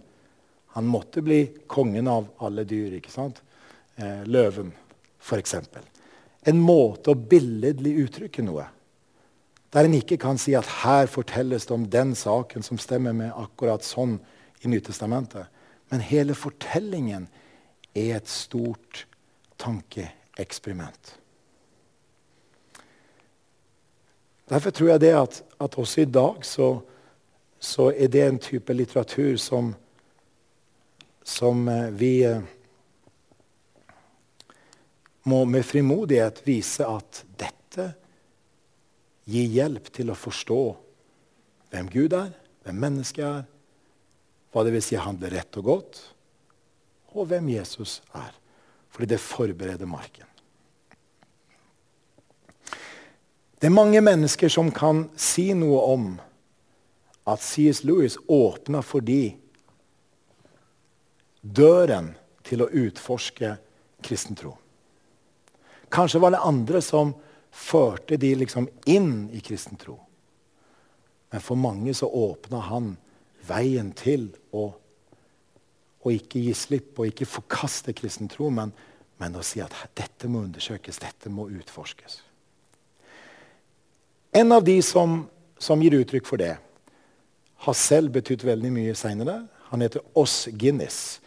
En eh, veldig dyktig kristen tenker og eh, sosiolog. Han var her i Kristiansand på konferanse i 2011 på Gimlekollen sammen med Becky Pippert, som har vært på UL også tidligere, en stor kristen ungdomsfestival. Ung, eh, unglandsmøte. Eh, og han uttrykker det sånn at kristen apologetikk, kristen trosforsvar, er både kan symboliseres og har blitt symbolisert gjennom historien både gjennom knyttneven og gjennom den åpne hånden. Det er to symboler for, og de symbolene står også for C.S. Lewis sin virksomhet. Fornuft og fantasi. Knyttneven kan brukes på ulike måter. Kan brukes sånn, men det er ikke å slå ned noen som er bilder. Det, Poenget her er det bestemte argumentet. Jeg er overbevist om dette mener jeg, og fordi sånn og sånn. Bruken av knyttneven i den forstand. Det er det bestemte argumentet. Eh, logika, som det står her oppe. Det logiske argumentet. Sant? Fordi. Det er sant fordi. Veldig interessant å merke seg at eh, i en nylig utgitt bok, bok eh, av, av, to kristne trosforsvarere i USA så sier de at når vi skal formidle kristen tro til barn og unge i dag, så skal vi ikke bare si at noe er sant. Men vi må si hvorfor det er sant. Og si hvorfor det betyr noe for hverdagen. Ethver at bør følges av to hvorfor. Veldig flott eh, formulert, egentlig. Ok, Så det er knyttneven. Ikke, ikke å slå ned noen, men å si nei, jeg er overbevist om dette. Det er det er da apologetens, eller apologetikkens, trosforsvarets oppgave fra det perspektivet å si hvorfor vi mener noe er sant, og hvorfor det er viktig for oss i hverdagen. Det andre er den åpne hånden. Eloquentia, som betyr veltalenhet, eller, eller å, å, å, å, gi uttrykk for noe med, med vakre ord. Sant? Det er den innbydende utforskingen invitasjon til å utforske. Om vi ser for oss at C.S. Lewis gjennom sine argumenter sto for han, den knyttneven, så er det gjennom sine fantasifortellinger så møter vi den åpne hånden. Og da fanger vi inn på den med de bildene hele C.S. Lewis sin virksomhet. Men så er det ikke fullt så enkelt. Fordi når han bruker argumenter, så vever han det inn med det kreative. Og midt i det kreative møter vi argumentene. ikke sant? Så det er ikke så vanntett, fordi det er ikke to verdener her. Men la oss ta med oss at eh, C.S. Lewis er fortsatt i dag en høyst aktuell person. Han har solgt mye mer etter sin død av bøker enn han har solgt i løpet av sin livstid. Eh, det gis ut hvert år nye utgaver de, i masse forskjell av alt hans forfatterskap. Det skrives eh, biografier, det holdes foredrag. Og på 50-årsdagen etter hans eh, død fikk han et minnesmerke i Westminster Abbey. I den delen av Westminster Abbey som er til minne om viktige forfattere i England fikk også han. ikke sant? Og hva var det som står der? I believe in Christianity as I believe in that the sun has risen osv. Dette sitatet om solen som Bjørn viste, det sitatet finner vi igjen der. Så hvis dere ikke har oppdaget C.S. Lewis enda, så det går an å lese Narnia-bøkene som voksen. Med stort utbytte. Det går an å lese 'Djevelen dypper pennen'. Det er fantastisk utbytterikt. Og ikke minst se det i øynene, som er, sant, som er, denne direkte formidlingen i radio. Som så er bearbeida litt som skriftlig, men er vel verdt å Så jeg vil i hvert fall si at de tre bøkene, eller disse bøkene Narnia og de andre to bøkene, det er anbefales som, som startpunkt for å utforske C.S. Lewis sin verden. Skal vi avrunde med noen spørsmål? hvis det er noen som har det? Ja, Er det noen uh, innspill, kommentarer og spørsmål nå um, som vi skulle ta opp? Som dere kom på i pausen, eller mens vi har holdt på her? Så har vi tid til det. Flott. Uh, han, han, konkluderte med at det finnes en gud, men hvorfor den kristne guden? Spørsmål? Tar, er det noen flere i samme slengen? Et kjempegodt spørsmål.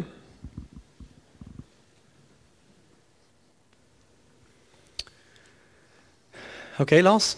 Takk, takk for spørsmålet. Så, um, ja, hvorfor det, akkurat den kristne guden? Eh, takk for et veldig godt spørsmål. Eh, og Vi så jo da at han gjennomgikk denne vandringen. Han mistet på en måte barnetroen. Eh, og så ble han en rimelig hard barka, beskriver han selv, ateist. Han vandret han veien der.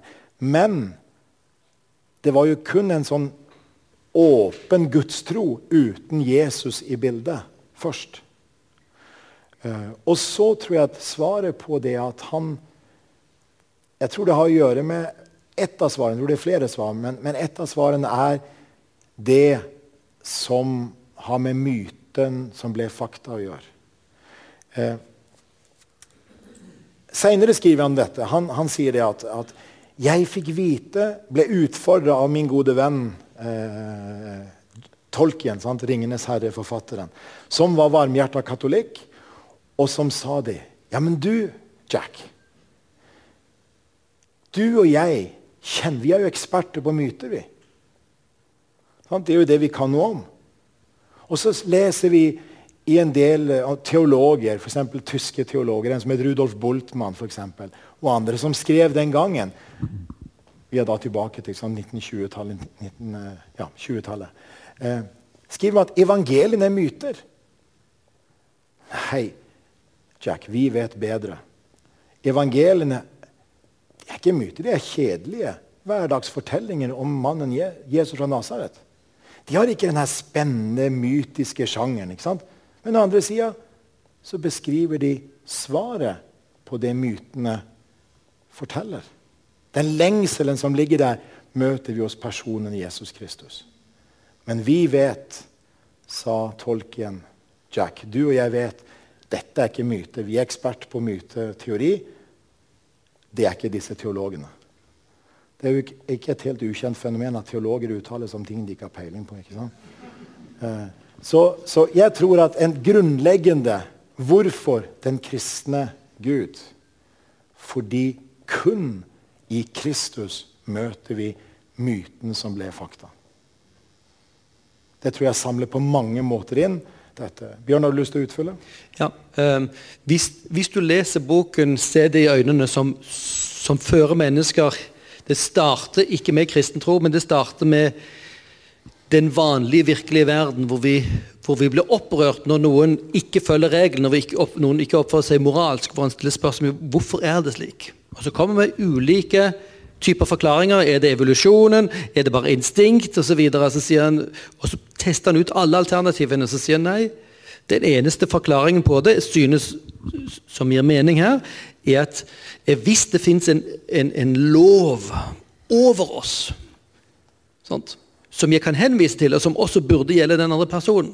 Når vi snakker om moral, så snakker vi som om det fins en moral over oss. Uten den så ramler hele vår moralske samtale om hva folk burde gjøre sammen. Det var noe som Nietzsche så 100, 100 år før dette. her. Eh, og, så, og, så, går han videre i argumentet. Ja, men hva slags Hvis det finnes en sånn lov, ok, hva slags opprinnelse kan denne loven, moralloven, ha? Jo, så finnes det ulike typer. Kan det være bare naturen som har eh, gjort det? Kan det være et guddommelig ånd, bare? Så han, han, han utforsker bl.a.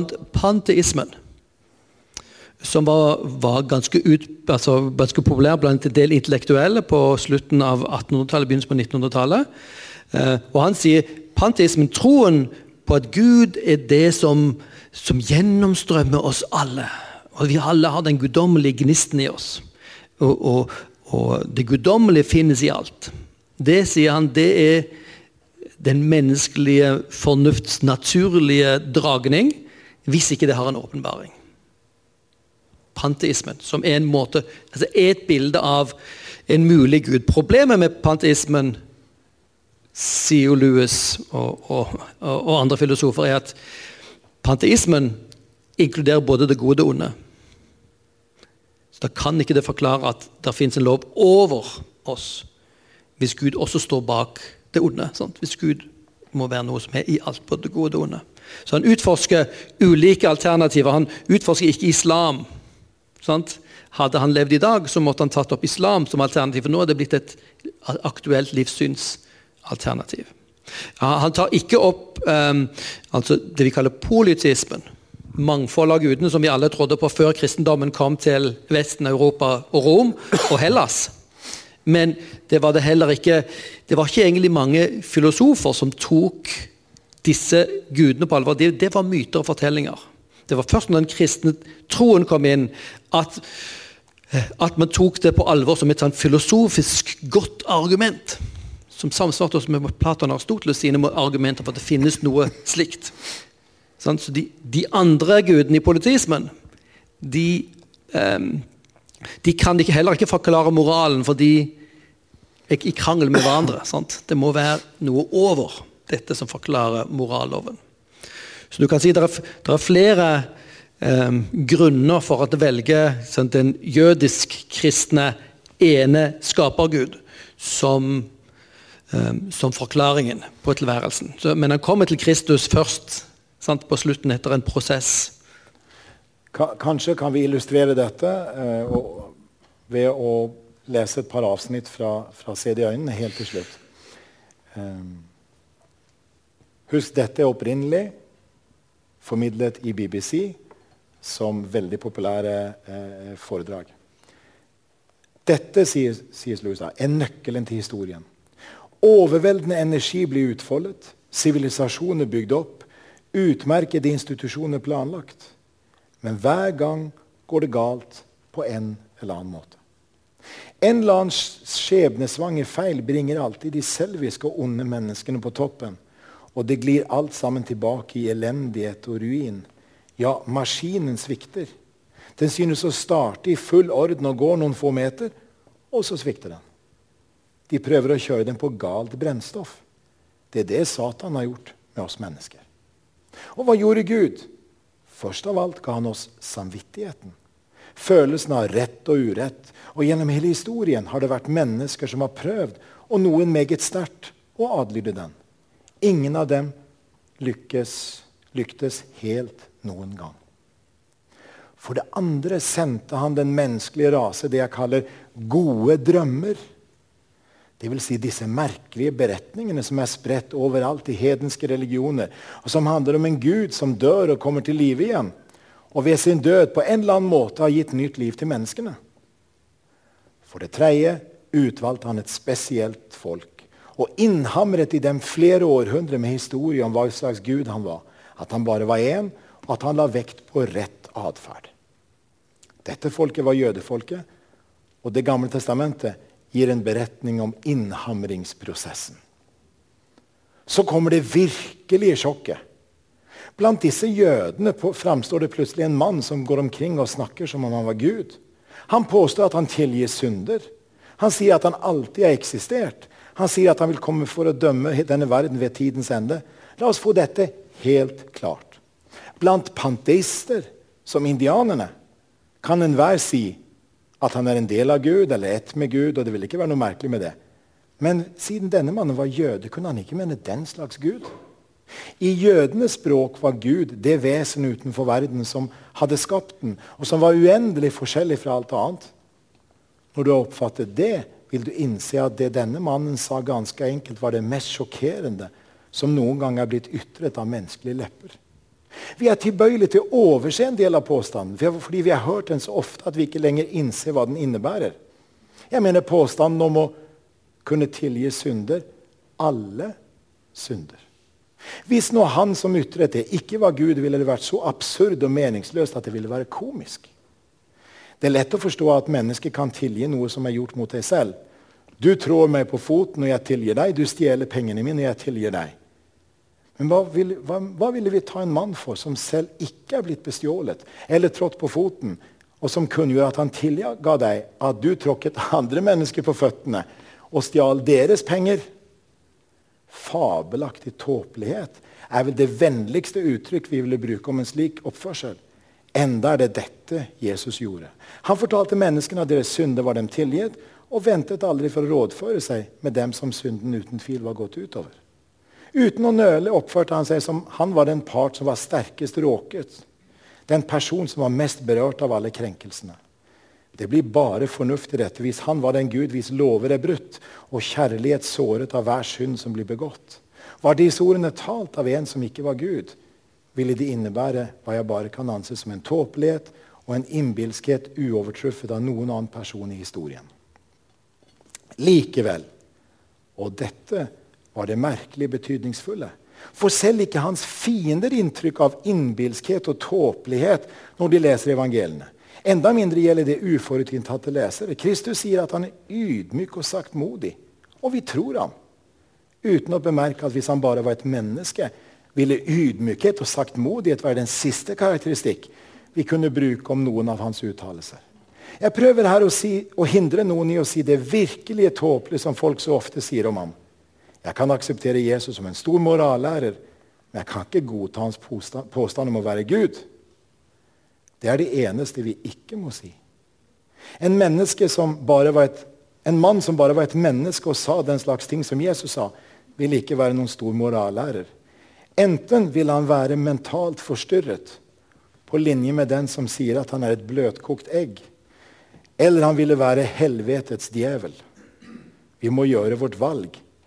Enten var og er denne mannen Guds sønn, eller han var gal eller noe verre. Du kan slå ham i hodet med at han var en tåpe. Du kan spytte på ham og drepe ham som demon. Eller du kan falle for hans føtter og kalle ham Herre og Gud. Men la oss ikke komme med noe tåkeprat om at han var et stort menneske og morallærer. Han har ikke gitt oss adgang til det. Det var ikke hensikten. God lesing videre. Det var CD i øynene. Takk for i kveld. og vi har fortsatt bøkene der ute. Vi har bøkene der ute, og neste samling fokuserer på en som dere nok sikkert ikke kjenner så godt til, som heter Francis Schaefer, som også har mye godt å bringe oss.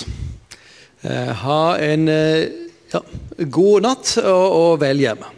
I motsatt rekkefølge.